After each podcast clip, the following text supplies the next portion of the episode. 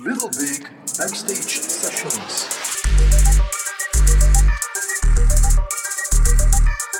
Ja, het is eh, een, een ongelooflijk avontuur waarin we ons aan het storten zijn, hè, Tom. Ehm, met onze backstage sessions. Een beetje Ja. zoeken. En, eh, maar, maar eigenlijk voelt het wel zeer goed aan. Hè. En ik ben er eigenlijk van overtuigd dat mensen die nu gaan beginnen luisteren en zich misschien af en toe gaan afvragen van oei, waar gaat het naartoe? Dat die toch wel niet op hun honger gaan blijven zitten. Nee, dat klopt. Dit is Backstage Session nummer 1. Ehm, heel veel over nagedacht wat we precies gingen doen en eh, hoe dat we het gingen doen. Eh, en de bedoeling van deze sessies is om een klein beetje structuur te brengen in de chaos of chaos in de structuur. Zoals dat je het zelf wil zien, uiteraard. Hè. Eh, misschien beginnen met wie zijn wij eigenlijk? Hans, wie ben jij? Ja, dat is een eh, zeer interessante vraag. Eh, ik hoop van er ook een interessant antwoord te kunnen op geven. Ik ben eh, dus Hans, hè, dat heb je al goed aangereikt. Graag En, gedaan. overal waar je iets over mij gaat zien of lezen, staat er ben altijd bij mijn naam leverancier van optimisme en inspiratie. En dat is een beetje het gevolg van een soort levenshouding die ik onder meer aangeleerd heb voor een stuk. Door zeer intensief bezig te zijn met de dingen die we in onze podcasts ook gaan belichten is eigenlijk gefocust op wat, kunnen we allemaal doen om gelukkig te zijn en om mensen rondom ons en rondom mij dan in dat geluk mee te nemen. En de conclusie was, ja, dat is vooral door heel optimistisch ingesteld te zijn en dat dan ook te gebruiken om mensen te inspireren. En hoe doe ik dat? Wel, door presentaties te geven, door workshops te doen, door artikels te schrijven, door eh, individuele begeleiding te doen van mensen. Bijna altijd vanuit een bepaalde behoefte die moet ingevuld worden en die ik dan invul op mijn eigen gereide manier, waarvan dat we hier ook wel ja, stukjes zullen, eh, zullen ont, eh, ontwaren en tipjes van de sluier oplichten, nietwaar? Dus, eh, en waar ga je mij dat zien doen? In België, in het buitenland, op podia, in zaaltjes, in een zetel met één iemand. Maakt eigenlijk niet uit, zolang dat het mensen kan helpen om wat ik dan graag noem de voor zichzelf betere versie te worden van wie dat ze zijn, als ze dat willen. Dat is mooi gezegd. Ja. Kan jij het even goed vertellen Ha, wat jij doet, Tom? Ja, eh, ik kan alleen maar proberen natuurlijk. Eh, ja, ik ben dus Tom, zoals je daarnet al aanreikte. Ehm, we hebben elkaar, ik denk, voor de eerste keer ontmoet 2002. Dat, is, Ja. eh, dat gaat al heel ver terug. Ja. Ehm, Ja, nu voor- dat je het zegt. ja, dat, 2002, dat is 16 jaar geleden. Oh, oh, 16 jaar geleden, absoluut. Tijd vliegt, vooral als je veel plezier hebt. En dat hebben we heel veel gehad. Eh, ik werkte toen bij Microsoft. Eh, ik, ik heb eh, 15 jaar bij Microsoft gewerkt. Eh, maar sinds een paar jaar ook eh, onafhankelijk zelfstandig, of hoe dat je het ook wilt noemen. En eh, ons paden kruisten elkaar af en toe wel. Eh, waar ik vooral mee bezig ben, is eh, het, het innovatief denken en de mindset die daarmee te maken heeft. En dat is een evolutie waar ik ook als persoon door gegaan ben. Eh, eerst begonnen met, eh, met iets te doen wat ik heel graag deed en, eh, en blijkbaar goed kon, was presenteren ook. En zo zijn we ook elkaar tegengekomen. Eh, ik herinner mij nog dat je ooit een script geschreven hebt waar ik in, eh, in pyjama het podium werd ja, opgeduwd ja. en dat ook met veel plezier heb gedaan. Maar goed, zo lanceerden wij dus producten vroeger. Het was, eh, het was dus iets anders. Absoluut, absoluut. Ehm, dus het podium is een beetje mijn tweede thuis geworden. Ehm, en op de duur evolueerde dat naar het brengen van inspiratie. eh, net als bij jou, eh, ook het geven van, van workshops. Eh, ik ben me dan beginnen specialiseren in communicatietraining, presentation skills, pitchbegeleiding. En de laatste jaren heel veel bezig geweest met jong ondernemerschap, start-ups en alles wat erbij komt. en daar merk je ook dat de, de core van alles wat daar als succes naar boven komt, is mindset. Ja. En het is een, een goed idee zonder de juiste mindset gaat nooit een goed idee of een goede start-up worden.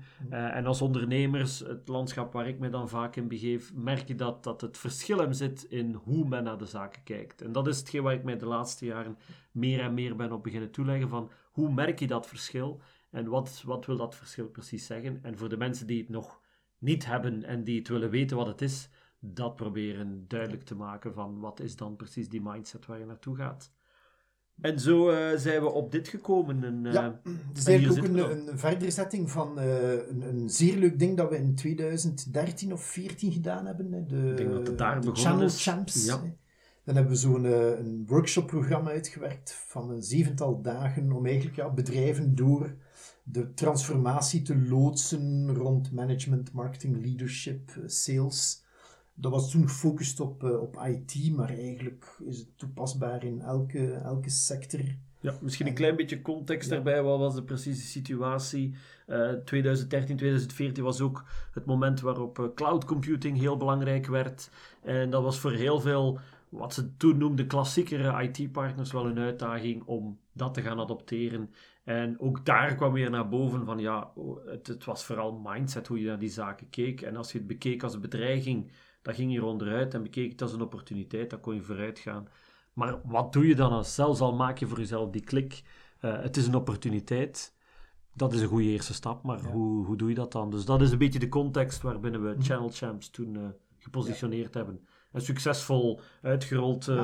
over heel West-Europa. Ja, ik heb onlangs uh, trouwens nog een foto uh, teruggevonden ergens in de archieven met alle trainers en consultants, quote-unquote, die, die dat in Europa dan uitgedragen hebben. Ja, dat was Madrid. ja, ja, ja, ja, de trainer gedaan hebben. Ja, leuke, leuke ding. Maar wat toen ook vooral bleek, en wat dan altijd blijkt, is dat het niet alleen in IT toepasbaar is, maar het gaat eigenlijk, uiteindelijk ging het, en dat hebben we toen ook echt gemerkt, over mensen die op een of andere manier samen naar een bepaald doel kunnen werken of willen werken. En, en als je dat begint uit te rafelen, dan kom je een beetje tot de essentie van, van Little Big and Partners en van wat dat we hier doen. Het is, is de mens op zich bekijken, de, de relaties tussen mensen bekijken, de anderen bekijken en dan het geheel eigenlijk gaan, uh, gaan voorzien van tips, tricks en inspiratie om als entiteit naar een bepaald doel te gaan en dat ook te realiseren en daar dan ook uh, unaniem gelukkig door te worden. Absoluut. En uh, altijd vertrekkende van het bronmateriaal de mens. En dat, uh, dat maakt het ook soms moeilijk om voor, voor organisaties te, te snappen wat we precies doen. Omdat in de klassieke school is het altijd outcome gebaseerd van wij gaan een workshop doen, wat gaat daaruit komen? En dan is ons antwoord, wel, we weten alleen wat er gaat binnenkomen, en dat zullen de mensen zijn. En we zullen werken met de mensen die in de zaal zitten. En wat er precies gaat uitkomen, zal van die mensen afhangen. Het is uh, interessant dat je dat zegt, want voor heel veel workshops die, die ik dan geef, geef, maken de agenda pas achteraf op. Om eens te gebruiken voor een volgende workshop. Omdat je eigenlijk werkt met, met wat dat er gebeurt. Hè. Een beetje het verschil tussen... Uh, goed, uh, iets, iets goed voorbereid hebben of goed voorbereid zijn. En ik vind het tweede, zeker in, in de maatschappij nu ook, waar alles snel en agile en flexibel behoort te zijn, is het, lijkt het mij nuttiger en gemakkelijker van goed voorbereid te zijn om te kunnen werken met wat je op dat ogenblik ziet op je pad komen. Hè. Ja. Dus misschien ook wel een interessante learning voor heel veel mensen om, om ja, alle opties open te houden en, en te kijken, maar wat kunnen we hier nu mee doen? tegenover het vasthouden aan een bepaald stramien, willens, nillens. Ja, dat doet mij denken aan uh, iets wat we tijdens ons Channel Champs tijd ook meemaakten met de, de mensen die telesales deden. Van, en het eerste wat we zeiden is, uh, wie heeft er allemaal zijn script bij? En dan zie je een aantal handen omhoog gaan van, ja, ik heb mijn script mee, oké, dan gaan we dat dus nu opzij leggen en we gaan dat niet gebruiken. En dat is op zich al uh, een, een richting van Waar gaan we naartoe gaan? Wel, dat weten we niet, maar we weten alleen waar we gaan beginnen en dat is zonder script. Ja. Want script legt u vast in uw patroon. Dat hebben we ook gemerkt in onze workshops, waar we initieel agenda's vol staken met content en uiteindelijk merkten dat de helft van de content dat we er nooit aan toe kwamen, omdat er vragen kwamen, dat er interactie ja. kwam, dat mensen learnings hadden voor zichzelf die ze wouden delen. En dat is allemaal oké. Okay. Ja. En het is uiteindelijk wat die persoon er zal uithalen dat voor ons het belangrijkste is. En hopelijk is dat in lijn met wat het bedrijf wilt, maar het kan evengoed gebeuren dat daaruit komt van misschien zit ik niet op mijn plaats. En dan hebben we liever dat die mensen dat daar beseffen, dan dat ze met erbij blijven zitten. En God weet wat er daarna nog allemaal gebeurt. Ja, en we hebben ze allemaal zien passeren. Hè. Mensen die uh, in derde versnelling schakelen na workshops en mensen die gewoon zeggen van ik verlaat de bus, ik ben weg, uh, ja. ik kom tot bepaalde inzichten. En dat vind ik juist het leuke, dat je dat je mensen kan helpen en begeleiden in uh, het, het, leren kennen van wat ze allemaal in zich hebben. Uh, en, en die registers dan ook, een keer dat je ze geobserveerd hebt, is ook te leren inzetten. Wat dat we allemaal spontaan doen. Eh, ik was vorige week op een begrafenis. Automatisch, zonder dat je daarbij nadenkt, ben je dan in een bepaalde state of mind die herkenbaar is. Je loopt anders, je bent dichtgetogen, je ademt anders, je praat anders. Tegenover een trouwfeest waar dat je helemaal anders gaat gedragen. En we doen dat allemaal onbewust, hè. zoals dat we allemaal onbewust ademen. Dat is goed, hè? Totdat er iemand zegt, ja maar wacht een keer, probeer eens zo of zo te ademen. En dan stel je plots bij jezelf vast dat iets wat je lang doet, dat je dat eigenlijk wel wat gecontroleerd kan beginnen doen. En dat dat heel leuke effecten heeft. Ja. En als je dat als individu op, op al die registers die je daar dagelijks gebruikt kan, kan gaan kennen, eerst door te zien en te willen zien wat er gebeurt en het dan te gebruiken, ja, dan heb je de eerste stap gezet naar wat kan ik daar nu mee doen met anderen. Ja, en zijn dat soort interessante ervaringen dat mensen dan ook wel beseffen op het moment dat je zoiets zegt van, stel je gaat naar een begrafenis, hoe ga je je voelen? Soms ga je naar een begrafenis uit beleefdheid en ken je de persoon niet, maar is het nu eenmaal familie of, of een verre vriend of gelijk wat die, uh, die getroffen is door dat verlies. Maar automatisch ga je in die state of mind mee. En dan tot zelfs het punt dat je gaat zitten huilen op een begrafenis waar je niet weet wie de persoon in de kist is. Maar het is een state of mind. En uh, door mensen zich daar dan bewust van te maken van dat dat gebeurt, beseffen ze ook van ja, eigenlijk als dat kan gebeuren puur door de context waarin ik mij bevind, kan ik misschien dat zelf ook gaan controleren. En dat bewustwordingsproces, dat is het, het leerproces eigenlijk, hè? dat is niets anders dan dat. Dat leerproces te gaan toepassen op uh, hetgeen wat er gebeurt in een dagdagelijkse context, dat maakt dat ze nieuwe inzichten krijgen en nieuwe tools krijgen en niet noodzakelijk nieuwe dingen moeten leren, want ze kunnen het al. Ze kunnen hun state managen. Iedereen kan zijn state managen. Alleen doen we dat nu onbewust. Dat wordt op ons gelegd. Ja. Daar waar dat je leert om het effectief te gaan gebruiken. En, en eigenlijk is dat ook een leuke uitdaging als aanzet om het te leren, hè, voor de mensen die luisteren, om gewoon eens voor jezelf een, een bladje papier te nemen en een viertal dingen op te lijsten die jouw gemoed bepalen. Het kan een stukje muziek zijn, het kan een geur zijn, het kan een persoon zijn die je ziet en waardoor je plots voelt, ik word gelukkig of ik word... Dat gewoon eens doen en kijken welke, welke de triggers zijn die ervoor zorgen dat er een bepaalde gemoedstoestand wordt geactiveerd. Zonder dat je het eigenlijk weet. Het gebeurt. En als mensen zeggen, waarom ben je blij? Ah, ik heb net whatever. Maar dus ik vind het een leuke oefening om, om bewust te worden, zoals dat je net zei, van, van wat kan er allemaal en, en ja. wat gebeurt er allemaal. Het voorbeeld dat ik heel vaak aanhaal voor mensen die zeggen, ja, maar ik kan dat niet of dat lukt toch niet, is stel je loopt door een winkelstraat, je passeert zo'n artisanale bakkerij en plots ruik je appeltaart en onmiddellijk, bij een fractie van een seconde, ben je teruggecatapulteerd naar de tijd dat jouw oma appeltaart aan het bakken was en jij een kleine jongen of een kleine meid was. En dat gaat spontaan. Alleen hebben we dat ergens precies verloren. En of, of zijn we ons daar niet meer bewust van dat dat proces gebeurt. Maar het feit dat je bewust op zoek gaat naar die triggers, kun je heel leuke dingen mee doen.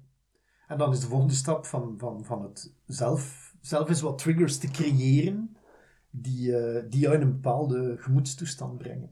Nu, via een podcast ga je dat niet leren, uh, maar dat zijn onder meer zaken waar we in, uh, in onze workshops ook leuke dingen aanreiken om, om dat ook te gaan doen. Hè. Maar kan er moeilijk, je kan het, hè, maar, maar er een boek over lezen, denk niet dat dat het ook echt gaat. gaat. Het is een, er is, ik heb ook nog niemand zien leren fietsen door een boek te lezen over hoe fiets ik. Ja, of autorijden. Of, of autorijden, ja. Je, neemt, je pakt de dingen en je doet het. Hè. Je ja. valt een keer en, en je vraagt je af waarom ben ik dat hier aan het doen. Maar uiteindelijk ben je wel blij dat je het kan. Eh, die vaardigheden. Eh. De volgende stap is dan, dan te gaan kijken, als ik dat van mij weet, hoe kan ik dat nu gaan gebruiken om anderen beter te leren kennen en om te begrijpen wat hen in een bepaalde gemoedstoestand brengt en waarom dat gebeurt en wat dat jij dan als individu kan doen om die andere gemoedstoestand bewuster te laten beleven of ook te gaan triggeren. En dan van daaruit mensen mee te krijgen in een verhaal, zonder dat we over ook maar enige vorm van manipulatie spreken. Hè, want dat heb je vaak. Dan ja, ja, dat zijn allemaal trucken van de voor en je gaat hier proberen dit of dat te doen.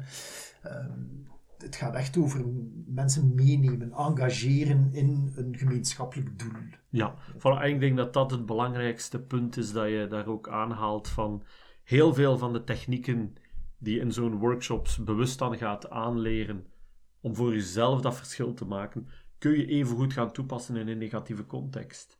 En, en het, het jammere is dat er, dat er heel veel van die zaken gebruikt worden door mensen met inderdaad negatieve bedoelingen. Alhoewel dat dat eigenlijk niet bestaat, negatieve bedoelingen. Elke bedoeling heeft wel een positieve intentie. Maar goed, uh, die, die negatieve zaken dan, waar dan manipulatie naar boven komt. En, en ja, je kan dat uiteraard daarvoor gaan gebruiken, maar dat is niet de bedoeling. Het is juist om jezelf sterker te maken en om beter te snappen wat iemand anders wilt zodanig dat jouw empathisch vermogen gaat vergroten, zodanig dat je bewuster kan omgaan ook met die ander, die zich misschien op zijn beurt dan weer niet bewust is van die processen die daarin omgaan, maar hoe dat je daar precies mee omgaat en mensen beter maken, niet omdat jij het wilt, maar omdat zij het willen. willen ja. En dan, dan zit je met, met de volledige positieve, met de juiste spirit en de juiste mindset daarin om die technieken te gaan toepassen. En een van de dingen die ik, die ik ook altijd onthouden heb uit opleidingen die ik daar dan zelf voor gevolgd heb, waar we elkaar trouwens ook tegengekomen zijn vaker, uh, dat is de, dat er, er is nooit nood om iets te herstellen of iets te verbeteren. Uh, no need to fix. no need to fix. Uh, want uiteindelijk heeft iedereen in wat hij of zij denkt of doet of voelt altijd gelijk op het moment dat ze dat denken of voelen of doen. Ehm, de vraag is alleen, in dat gelijk hebben, brengt dat dan de persoon of de groep of het hele systeem dichter bij het doel dat moet bereikt worden of dat wil bereikt worden door die mensen. En daar zie je vaak dat, dat, dat mensen eigenlijk wel ergens naartoe willen, maar dat ze continu terugvallen op ja, maar ik kan dat niet, of dat gaat niet, of ik zit zo niet in elkaar, of ik dit of ik dat. Soms terechte excuses, maar soms ook vaak belemmeringen, waardoor mensen zich niet goed voelen. En, en daar juist een beetje door kunnen breken, dat is niks herstellen, dat is gewoon mensen bewust maken van Eigenlijk kan je dat wel, want je doet het al. Je kan ademen, dus je kan ook rustig ademen. Uh, je kan uh, praten. Dus ja, bedoel, als je Nederlands kan praten, kan je eigenlijk ook wel een andere taal spreken. Dus je zal er wel iets voor moeten doen. Ja, en dat is dus terug het leerproces wat we daarnet ook uh, aanhaalden, wat, waar mensen zich niet bewust zijn dat ze iets niet kunnen en, en een vreemde taal leren. Oké, ja, op een bepaalde leeftijd lig je daar totaal niet van wakker als je, als je pasgeboren baby bent je weet niet wat taal is, eh, je brabbelt iets. En, Maar naarmate dat je ouder wordt en je gaat naar school en dan, dan krijg je plots Frans of Engels of Spaans of gelijk welke taal. Die eerste lessen, dat is, dat is een nachtmerrie. ik ga dit nooit kunnen. En dat is heel pijnlijk om dat mee te maken. Dat is het, uh, het oh shit moment, zou je dat kunnen noemen. Van uh, oh, dat gaat moeilijk zijn, ik ga dat niet kunnen. Maar er komt een moment dat je dan toch op een of andere magische wijze bijna je examen slaagt. En dan ga je naar het tweede jaar en dan krijg je opnieuw dat vak. En er zal een moment komen waar je een bepaalde taal vloeiend spreekt. Ja. Zonder jou daarvan bewust te zijn of het nu je moedertaal is of een, of een andere taal. In mijn familie heb ik, eh, heb ik een aantal uh, uh, neefjes die opgroeien in verschillende talen tegelijk. moeder spreekt een bepaalde taal, vader spreekt een bepaalde taal. En dan gaan ze nog in, in school nog een andere taal leren. Voor hen is dat perfect normaal. Die kunnen tussen die drie talen switchen. Maar voor iemand die dat vanuit buitenkant bekijkt, die zegt: Amai, dat is toch wel heel complex voor zo'n kind. Nee, dat is niet complex voor dat kind. Voor hem is dat perfect normaal. Die is onbewust volledig bekwaam in dat kunnen switchen. En het feit dat je kind aanhaalt, is, is eigenlijk ook wel weer een interessant gegeven op zich. Hè? Want uh, je ziet dat wel vaak op de affiches van Bond zonder naam en zo, van het kind en zo moet blijven leven. En ja, maar uiteindelijk komt het daarop neer. Hè? Want de, de, typische eigenschappen zijn de mindere geconditioneerdheid. Hè? Want je wordt sowieso altijd wel op een of andere manier geconditioneerd, maar bij een kind is dat, het kan allemaal. Hè? Ja, maak je een fout, who cares, als ik maar, als ik maar kan verder doen wat ik, wat ik wil doen op bepaald moment in je leven begint dat op, op een hele hoop vermeende obstakels te botsen. Dan zeg je, maar ik ga nu niet spreken, want ik ga fout maken als we in de talen blijven. Of ik ga dit nu niet doen, want als het mislukt, dan gaan de mensen wijzen kijken of zeggen van, haha, zie wel. En ook het hele manier van, de hele manier van leren is daar ook op gebaseerd. Hè. Als kind die iets leert, als een kind iets fout doet, gaan de ouders zeggen, ja, goed bezig, probeer het nog maar eens. Hè. Ehm, Stel je voor dat, als je pasgeboren kind na een paar maanden wil leren stappen en dat kind trekt zich aan de tafel op en het valt. Als je dan als ouder zou zeggen van uh, loser, ja. ga nooit gaan, kom stop daarmee. Ja, dan heb je nu een generatie kinderen die heel tijd op hun gat blijft zitten. Enfin, Dat gebeurt nu ook wel. dat is misschien Dus een ja, slecht voorbeeld, ja, maar goed. eh, En, ik denk, in, in, in, eenmaal dat je dan in, als volwassene op een onbewuste manier gekomen bent wat je bent, en, je kan terug een klein beetje die kinderlijke nieuwsgierigheid aanwakkeren, en dan aan de andere kant als, als persoon met een leadership functie in zo'n team, dat ook waarderen en, en mensen benaderen op zo'n positief stimulerende manier, dat je een heel andere systematiek krijgt. En, en dat zijn, daar bestaan heel hapklare technieken voor om dat te leren en dat ook te blijven doen. Dat is ook wel iets belangrijks. Het, het is niet alleen momentum, het is aanhouden. Absoluut, absoluut. Nu, bij kinderen heeft dat ook nog wel een stuk een biologische grondslag natuurlijk, omdat de neuroplasticiteit, het, het, het vlot kunnen aanpassen in de hersenen, dat gaat door tot een jaar of 7, 8 en dan stopt dat proces. Maar ik ben er vast van overtuigd dat je zelfs al volwassenen, ook al heb je die kinderlijke neuroplasticiteit niet meer, dat je toch nog eh, je hersenen kunt blijven trainen. Het is een mindset en puur het, het kinderlijk in vraag durven stellen van alles. Eh, voor de mensen met kinderen die gaan de waarom-periode absoluut eh, zich wel levendig herinneren. Alles wordt in vraag gesteld. En op een bepaald moment is die fase voorbij. En stellen ze niks meer in vraag. Zo lijkt het toch.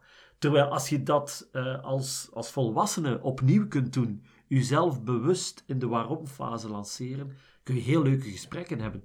Ik herinner mij de anekdote van iemand die zei van... ik ben een kookboek aan het schrijven en ik ga bij mensen gaan observeren hoe zij precies bepaalde gerechten maken, grootmoederstijl.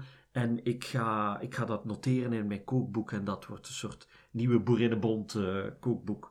En die gaat bij een bepaalde vrouw langs en die zegt van kijk, ik ga, ik ga worst met appelmoes maken. En hoe doe ik dat? Ik, ik kook aardappelen en ik maak appelmoes en dan, dan neem ik een pan en neem ik mijn worstjes en die neemt de schaar en die knipt het begin en het einde van die worstjes af en legt dat dan in die pan. En die, die, die auteur die, zegt, ja, maar waarom knip je eigenlijk dat begin en het einde van die worst daaraf? Dat is toch niet logisch? Ah ja, ik heb dat zo geleerd van mijn moeder, dus ik, ik doe dat ook zo. Dus die, die moeder leeft nog, dus die gaat ook bij, bij die moeder langs, die auteur, en die vraagt, hoe maak je eigenlijk worst met appelmoes? Ah, simpel, ik begin met mijn aardappelen te koken, ik maak appelmoes, dan neem ik een pan, neem ik die worstjes, knip ik begin en einde eraf en dan bak ik die worstjes. En dan zegt ze, waarom doe je dat? Ja, ik heb dat zo geleerd van mijn moeder. Dus die auteur naar de oma, die eh, in haar negentiger jaren, maar gelukkig nog altijd kwik van geest is. Die auteur gaat daar naartoe en die zegt, eh, mag ik eens iets vragen? Ik ben nu bij uw kleindochter geweest, ik ben bij uw dochter geweest. Worst met appelmoes, die knippen daar altijd dat begin en het einde af. En die zeggen dat zij dat van u geleerd hebben.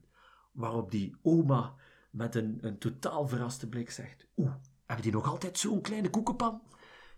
En dat is hetgeen wat we niet meer in vraag stellen. We stellen onszelf niet meer de vraag: waarom doen we dingen? En dat is hetgeen wat wij dan als, eh, wat ik dan noem, ambetante vragen eh, stel in, in workshops eh, met een managementteam waar iets geponeerd wordt. En bij ons is dat zo. En dat ik dan de vraag stel in mijn achterhoofd: de worst voor en achteraan afknippen. Waarom doen we dat? Ja, omdat dat, dat is altijd zo geweest. Ik heb dat zo geleerd van mijn voorganger. Maar waarom deed hij dat? Ja, niemand die het nog weet. En zo sluipen er in elke organisatie van die momenten in waar je het begin en het einde van de braadworst eraf knipt. En u niet meer in vraag stelt waarom dat we dat precies doen. En dat gebeurt maatschappelijk ook. Hè. Eh, We leven in, in een, eh, een wereld die bulkt van eh, geconditioneerdheid uiteindelijk. Hè. Waar een hele hoop dingen waarheid geworden zijn, zonder dat mensen zich nog enigszins kritisch afvragen van... Hmm, waarom is dat zo? En, en waarom aanvaarden we dat het zo is?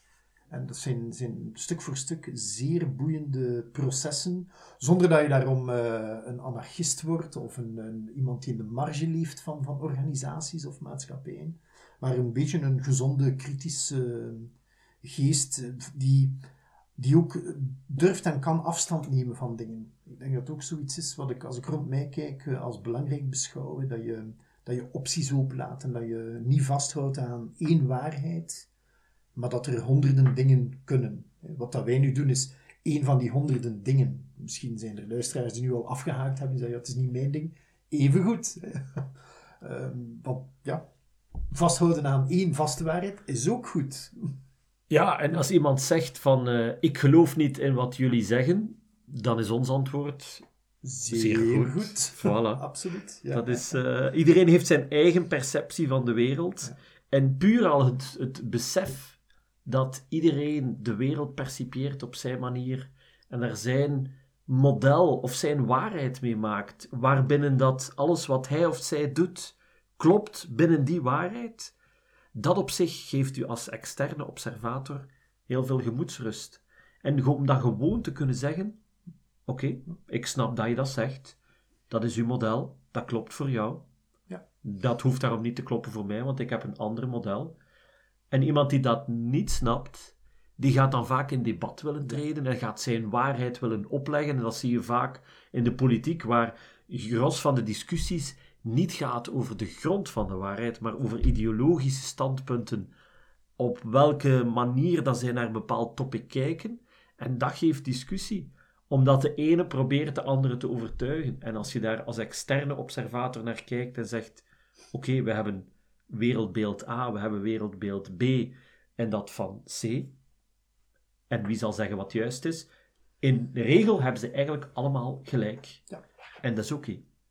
Inderdaad. En als je dan met een zekere flexibiliteit ook open staat om te leren van de verschillende systemen en om daar open voor te staan, dan, dan eh, kom je heel dicht bij ja, ultiem geluk, hè, of ultiem gelukkig zijn uiteindelijk. En, en ook een, een, dynamiek die, eh, die zeer constructief is, waarin, waarin een soort systemisch, eh, we gebruiken moeilijke woorden, maar systemisch effect ontstaat, zo'n sneeuwbaleffect. Zo, ik zag van de week een filmpje op Facebook van een vriend van mij en zijn kinderen waren niet met sneeuwballen aan het, eh, van een berg aan het laten rollen, maar van die grote hooibalen. En ik dacht zoiets, als die er zo nog drie doen, hebben we een hooibaal-effect beneden in het dal.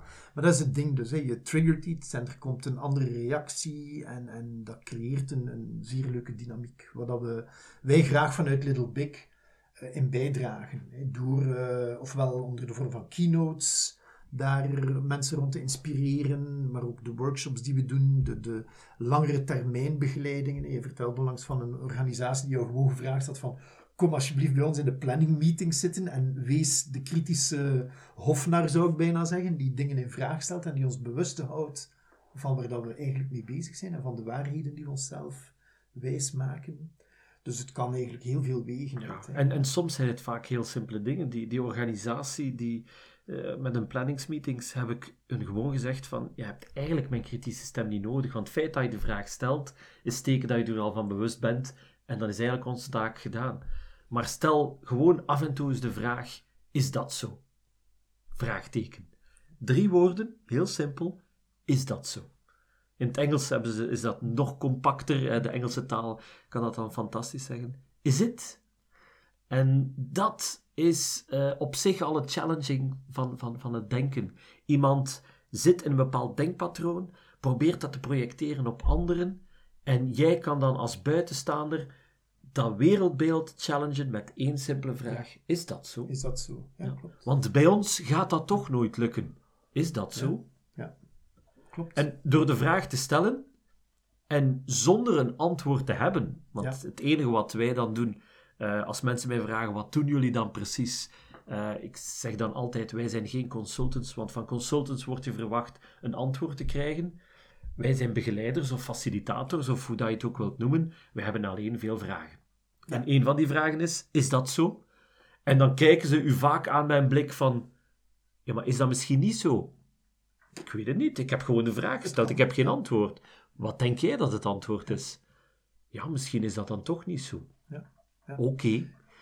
En dat is hun eigen denkpatroon, waar mensen eh, in, in, vaak in vastroesten, Ja. dat je heel snel kan doorbreken Ja. door heel simpele vragen te stellen. klopt. Is dat zo?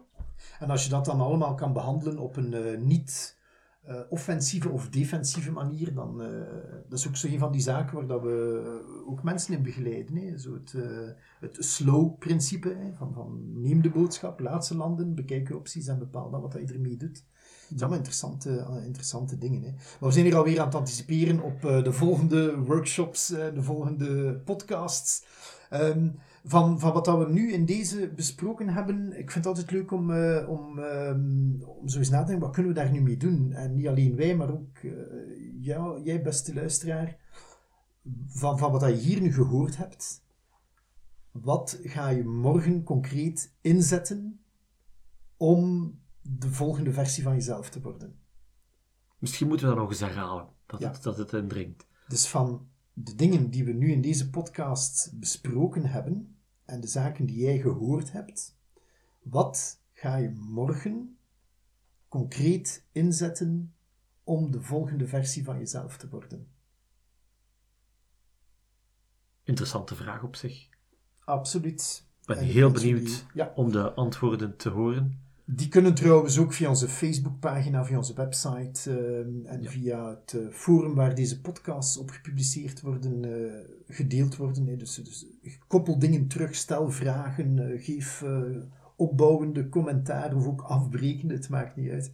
De bedoeling hier is niet dat wij ons ego hier tentoonspreiden, maar dat we leuke stukjes inspiratie aanbrengen die voor jullie het verschil kunnen maken en waar jullie mee aan de slag kunnen. Eh, daar is het ons eigenlijk in hoofdzaak om te doen. Absoluut. Dus als je nog vragen hebt of als je bemerkingen hebt of zeg je van kun je dit eens aanraken in een volgende podcast of eh, we hebben deze situatie, hoe zouden jullie dat aanpakken? Welke ambetante vraag zouden jullie stellen als je dit hoort? Stuur gerust door eh, info at littlebig.partners. Dus info at littlebig.partners.